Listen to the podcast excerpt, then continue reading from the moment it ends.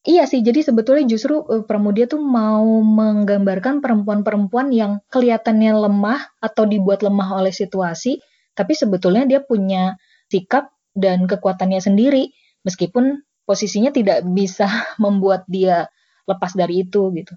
Ya contohnya dari Aminah ini.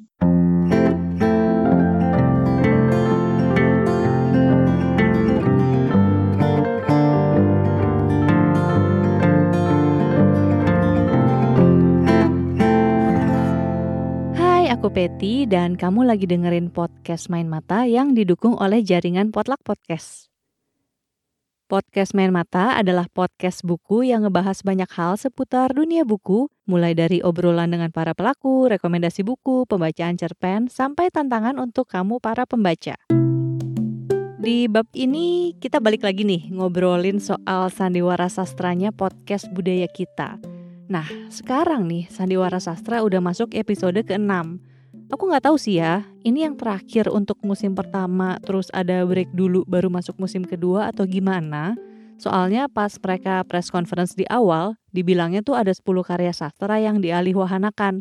Dan sejauh ini sih baru 6. Terus yang aku tunggu-tunggu banget nih, alihwahananya seribu kunang-kunang di Manhattan karena cerpennya aku suka banget. Jadi episode 6 Sandiwara Sastra dirilis hari Rabu 13 Agustus 2020. Kalau lihat di Instagramnya @titimangsa Foundation, belum ada info lebih jauh sih soal kelanjutannya gimana.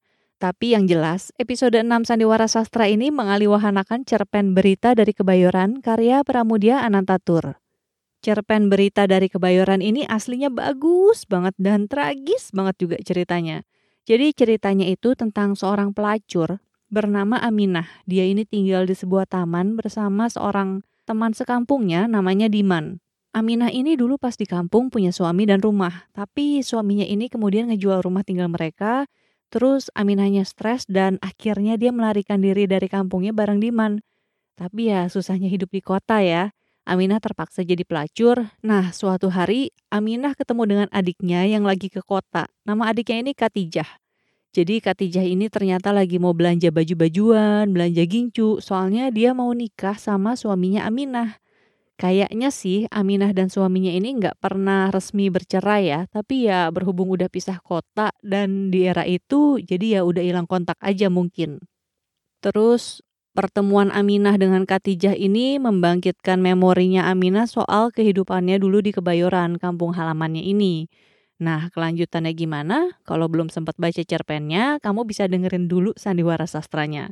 Berita dari Kebayoran ini diperankan oleh Matias Mucus sebagai narator, Najwa Sihab sebagai Aminah, Lulu Tobing sebagai Katijah, dan Chico Jericho sebagai Diman. Ini cuplikannya. Sehabis malam yang basah dan berangin itu, mereka tak pernah lagi bertemu.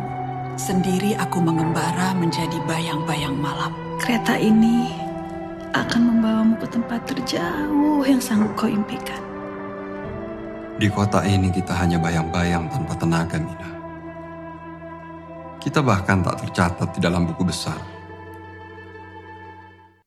Anyway, Sandiwara Sastra episode kelima yang judulnya Perempuan Indigo juga sebenarnya belum aku bahas nih.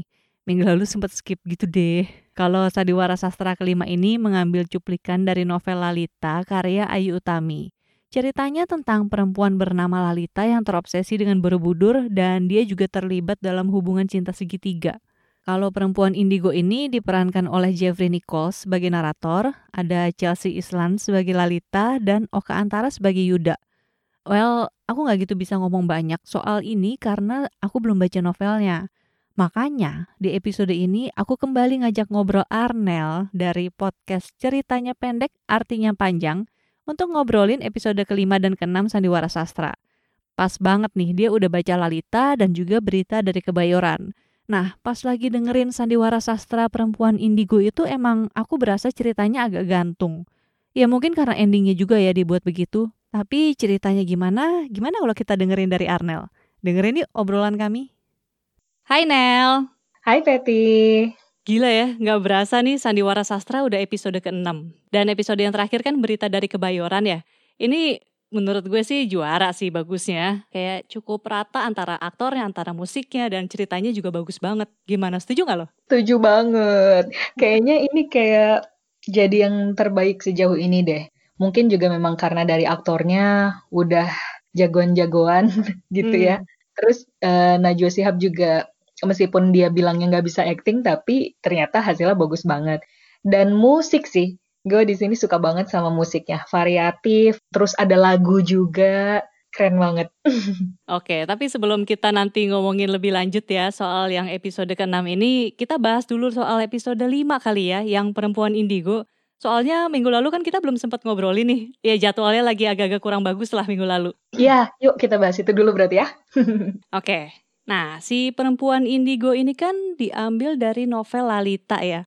Gue, kalau gue sendiri belum baca novelnya, cuma tahu premis-premisnya aja karena minggu lalu kita rencananya mau rekaman, jadi gue sempat cari tahu juga ini novelnya ceritanya tentang apa, terus mungkin review orang-orang seperti apa. Nah ini gue mau cerita sedikit, tapi ntar lo coba lengkapi dan mungkin koreksi kalau gue ada yang salah ya. Oke. Okay. Ceritanya kan e, dari yang gue tangkep nih tentang seorang perempuan, dia dia cukup berumur lah ya. Terus memang bermake up menor dan katanya punya beberapa past life soalnya dia percaya sama reinkarnasi.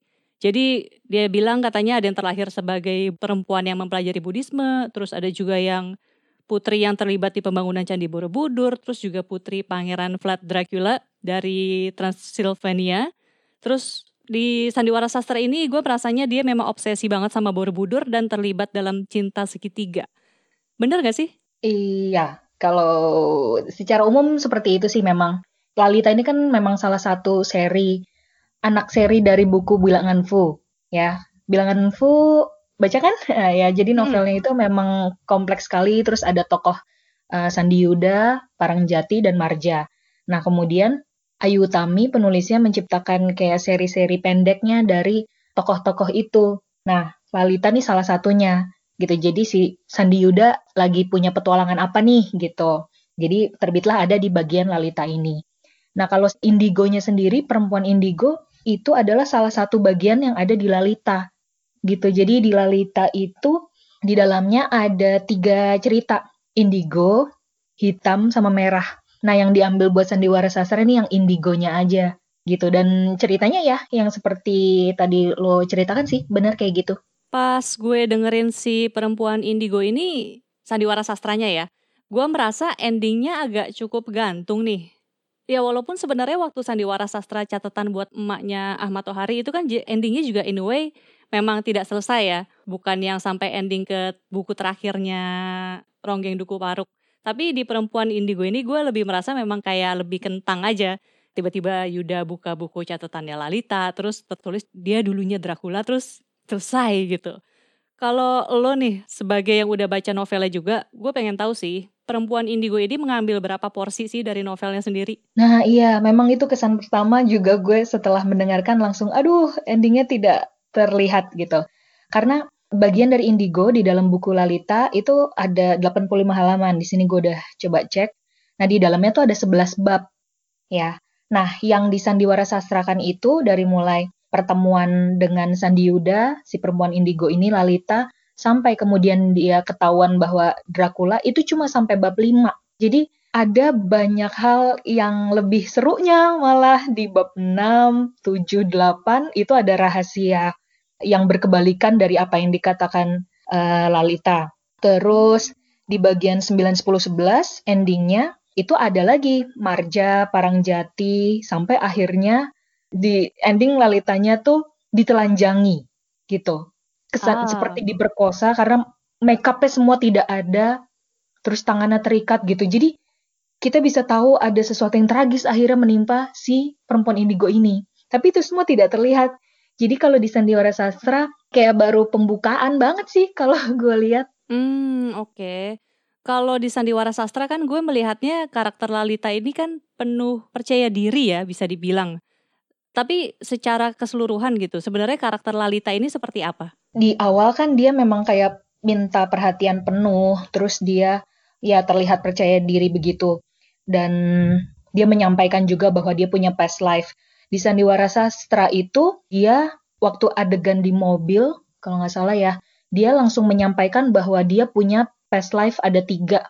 Eh, sorry, dia ngasih tahu past life yang pertama abad kelima, terus dia abad sembilan, terus dia baru mau ngasih tahu sebetulnya aku juga mau ngasih tahu yang Dracula itu, gitu. Tapi selesai di situ. Jadi emang kalau di sandiwara sastra gue melihatnya sengaja itu dibuat ditaruh di akhir, jadi untuk jawaban bahwa oh ternyata dia adalah perempuan yang punya banyak past life. Nah menariknya adalah kalau di novel itu tidak dikasih tahu. Jadi dia cuma bilang di bab awal Lalita bilang aku ini pernah hidup di abad 9. Udah, begitu doang waktu adegan di mobil. Baru kemudian di bab 6 ada tokoh si Janaka ini, kakaknya. Kakaknya si Lalita dimunculkan, jadi si Sandi Yuda ketemu sama kakaknya Lalita, dan di situ dia cerita bahwa Lalita ini aslinya hidup di abad 5, abad 9, abad 15 yang Dracula itu, dan di abad 20 sekarang. Jadi rasa terkejutnya sih kalau lagi baca itu jauh lebih mengejutkan gitu. Jadi kayak kita udah dibuat percaya nih sama Lalita dengan kepercayaan diri dia kayak gitu. Tapi tiba-tiba jeger dia ternyata punya fakta-fakta lain yang sangat berkebalikan menurut kakaknya gitu. Nah, nanti hmm. di bab 8 si Sandi Yuda ngobrol lagi sama Lalita, itu uh, Lalitanya membela diri dengan punya cerita lain lagi. Jadi dia cerita bahwa kakaknya itu ngejahatin dia gitu. Nah justru itu jadi kerennya kayak kita dibuat bingung bolak-balik jadi yang bener siapa ini gitu. Sementara kalau di Sandiwara Sastra kayaknya ya udah kita berpihak sama Lalita aja gitu kan. Berarti memang kalau di novelnya digambarkan karakter Lalita ini cukup kompleks ya berarti ya? Kompleks banget, kompleks banget dan kita bahkan nggak tahu sebetulnya karakter asli dia tuh yang mana. Dia terlihatnya muda seperti mbak-mbak 20-an 30-an, tapi aslinya mungkin 40 gitu. Tapi mungkin ya bang bener-bener dia hidup di masa udah tua gitu, ratusan tahun gitu. Jadi bener-bener misterius banget. Rasa banget misteriusnya kalau di novelnya. Tapi kalau misalnya kita ngomongin soal tema nih, bisa dibilang baik si perempuan indigo maupun berita dari kebayoran episode ke-6 Sandiwara Sastra ini dua-duanya punya tokoh utama perempuan dan mengangkat permasalahan perempuan juga ya. Bedanya kalau ya perempuan indigo ini kan Ladita memang digambarkan sepertinya dari keluarga latar belakang keluarga yang cukup mampu ya dan sepertinya cukup berada. Benar benar benar dan ditampilkannya juga seperti itu kayak high class banget gitu. Nah kalau yang gue dengar dari sandiwara sastranya kan memang konsep aksis mundi ini kan menganggap kalau cewek cowok tuh punya perannya masing-masing buat mencapai klimaks yang hakiki.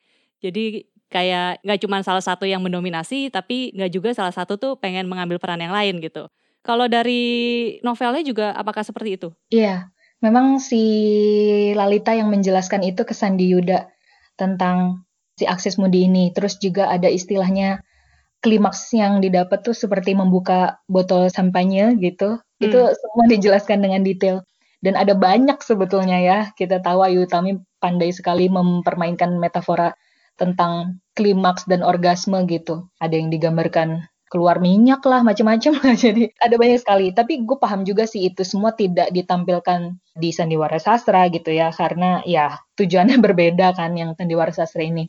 Di sandiwara sastra juga terasa ya bahwa tidak terlalu langsung terlihat bahwa Sandi Yuda sama Lalita tuh habis begituan. Jadi tiba-tiba ada penjelasan tentang aksis mundi gitu kan. Baru kemudian Sandi Yudanya anjir gue kayak ngerasa dipakai nih gitu. Itu ada kan di sandiwara sastranya. Iya. Baru di situ kita sadar, oh mereka habis berhubungan gitu.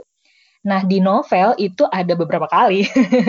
Awalnya iya ditarik ke apa namanya kamar gelap dan kita udah tahu lah arahnya ke mana. Dan itu benar diajarin tentang aksis mundi terus wah lebih detail lah ya di novel gitu. Setelah itu ada lagi terjadi lagi. Jadi kayak Sandi Yudanya malah penasaran lagi kayak gitu. Jadi jauh lebih banyak sih memang adegan seksnya. Hmm. Nah itu tadi perempuan mungkin dari sudut pandang Lalita ya. Sementara kalau di berita dari Kebayoran, aduh ini menurut gue ceritanya tragis sekali sih ya. Ya sama-sama perempuan tapi dia pelacur dari golongan masyarakat bawah yang bahkan nggak punya atap untuk tinggal.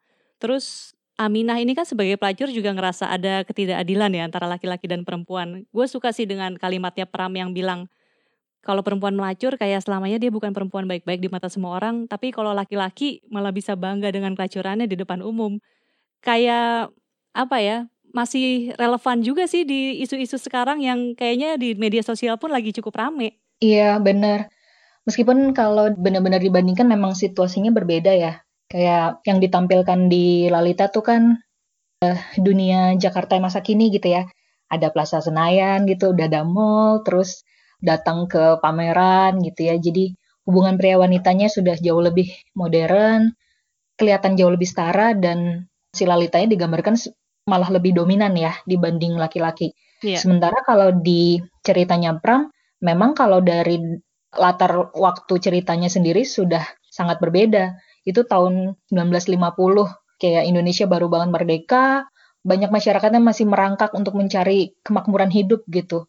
Jadi wajar gitu digambarkan di situ ada banyak orang yang melacurkan diri bahkan di dekat istana negara gitu ya. Hmm. Jadi kehidupannya jauh lebih susah sih memang kalau yang diceritanya Pram. Dan kalau gue lihat memang karya-karyanya Pram sendiri cukup banyak mengangkat karakter perempuan yang kelihatannya nggak benar atau rapuh mungkin ya di mata masyarakat. Tapi kalau misalnya kita ngelihat lebih dalam lagi ke pemikirannya, sebenarnya kayak si perempuan-perempuan ini tuh digambarkan tangguh, kayak menolak tunduk pada yang berkuasa gitu. Nah mungkin lo sebagai guru bahasa Indonesia, terus mungkin mempelajari karya sastra juga lebih dalam. Gue pengen tahu juga sih. Gue baca katanya belum tahu apakah Pram ini sebenarnya memang mengangkat tentang keperempuanan atau sebenarnya tokoh perempuan ini tuh sebagai simbolisme untuk kita tidak tunduk kepada penguasa yang tidak benar gitu. Oke, okay. wow, oke, okay. nih seru nih.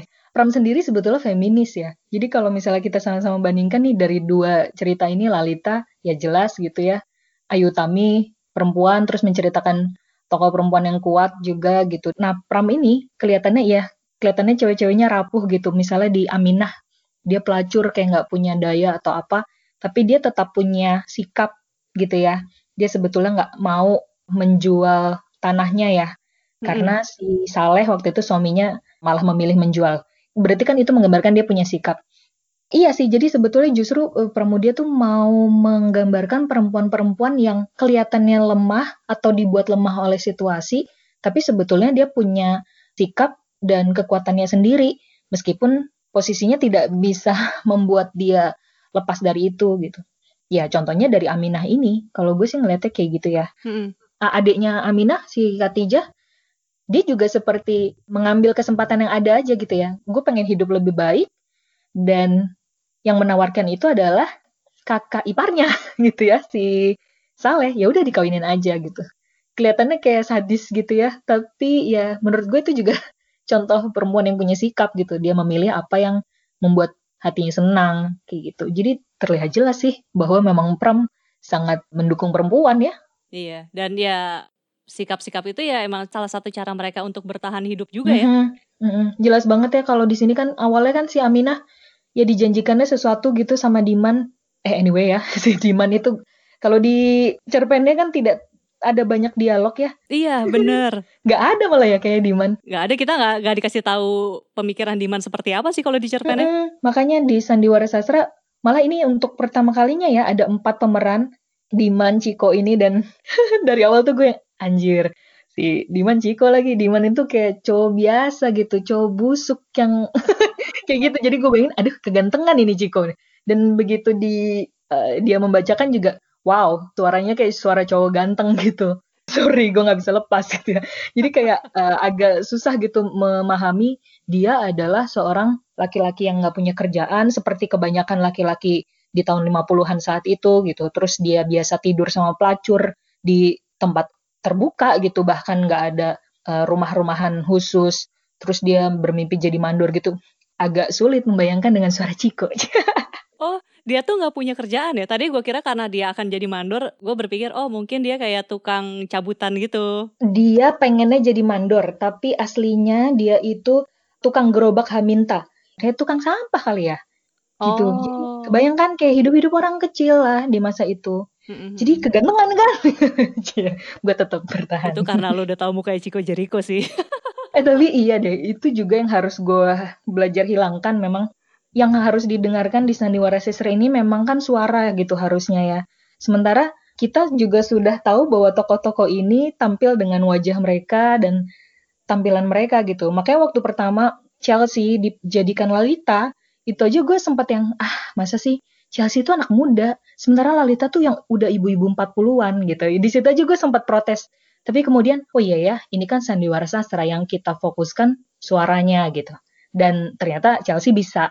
Iya, sama ini sih yang tadi lo bilang di awal Najwa Shihab. Emang dia kan mungkin satu-satunya yang bukan aktor lah ya, yang ikutan sandiwara sastra ini. Dan pas gue tahu, oh dia dapat peran utama pula jadi Aminah, tapi ternyata bagus banget juga mainnya. Meskipun dia ngakunya tidak bisa acting, tapi sebetulnya tidak aneh juga ya. Dia sudah biasa tampil di televisi dan memang artikulasi yeah suaranya bagus, terus membacakan kalimat-kalimatnya udah jelas, wah itu udah modal bagus banget gitu dalam membacakan teks-teks sastra kayak gini gitu. Iya sih. Ini kalau di sesi yang 6 ini bagus-bagus semua ya, Matias Mucus ya ampun, keren Aduh, banget. keren sih. Dan Lulu Tobing gue suka sih iya. uh, manjanya dan peran jadi adiknya tuh pas iya, juga. Iya bener, gue juga suka Lulu Tobing. Kayak gak ada yang bisa dicela gitu dari semuanya ini. Iya. Mungkin gue sebelnya cuma satu, pas baca cerpennya gue tuh sebel dengan karakter Diman. Apalagi yang ketika si Aminah bilang, kalau kamu jadi mandor, kamu sama perempuan lain gitu. Terus ya gue sebelnya adalah di cerpennya si Diman tuh kan memang nggak ada porsi berpikir ya. Pemikirannya kita nggak dapet gitu Diman kayak gimana. Terus pas di sandiwara sastranya kayak aduh Diman ngapain sih dikasih porsi? Dia kan nyebelin gitu. Biar Cikonya ngomong ya kan? Iya sih ya udahlah ya nggak apa-apa. Nah ini gue belum tahu sih apakah akan ada kelanjutannya. Soalnya setahu gue waktu press conference tuh dibilangnya ada 10 karya kan yang dialiwahanakan tapi kan ini udah 6 di posternya pun baru 6 dan kayaknya belum ada info lebih lanjut apakah ada musim kedua break dulu atau gimana. Lo pernah dengar gak? belum juga sih. Emang penasaran kan ada karya Felix gitu ya katanya bakal ada mm -mm. dan belum ada tapi ya poster lanjutannya. Kita iya. tunggu aja ya.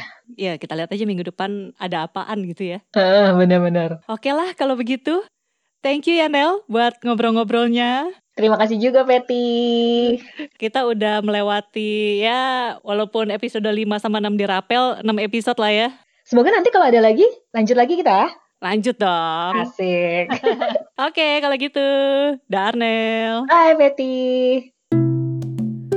Terima kasih udah dengerin. Kalau kamu mau ikutan berbagi pengalaman setelah dengerin Sandiwara Sastra ini, yuk kasih tahu yuk. Bisa mention podcast Main Mata di Instagram, bisa di @potlakpodcast atau @patricia.wulandari atau ke Twitter juga bisa di @podcastpotluck atau @patipatigulipat. Pengen tahu juga kalau menurut kalian gimana sih Sandiwara Sastra ini? Lalu kalau kamu suka dengan konten yang kami sajikan, kami akan sangat berterima kasih sekali jika kamu mau merekomendasikan podcast Main Mata ke teman-teman kamu, khususnya yang suka baca buku. Jangan lupa follow podcast Main Mata di Spotify, kemudian beri dukungan juga ya buat jaringan Potluck Podcast dengan follow dan subscribe di SoundCloud, YouTube, dan lainnya. Untuk informasi lengkap seputar episode terbaru yang akan tayang dari channel-channel podcast yang ada, follow jaringan Potluck Podcast di Instagram @potluckpodcast. Segitu dulu. Dadah.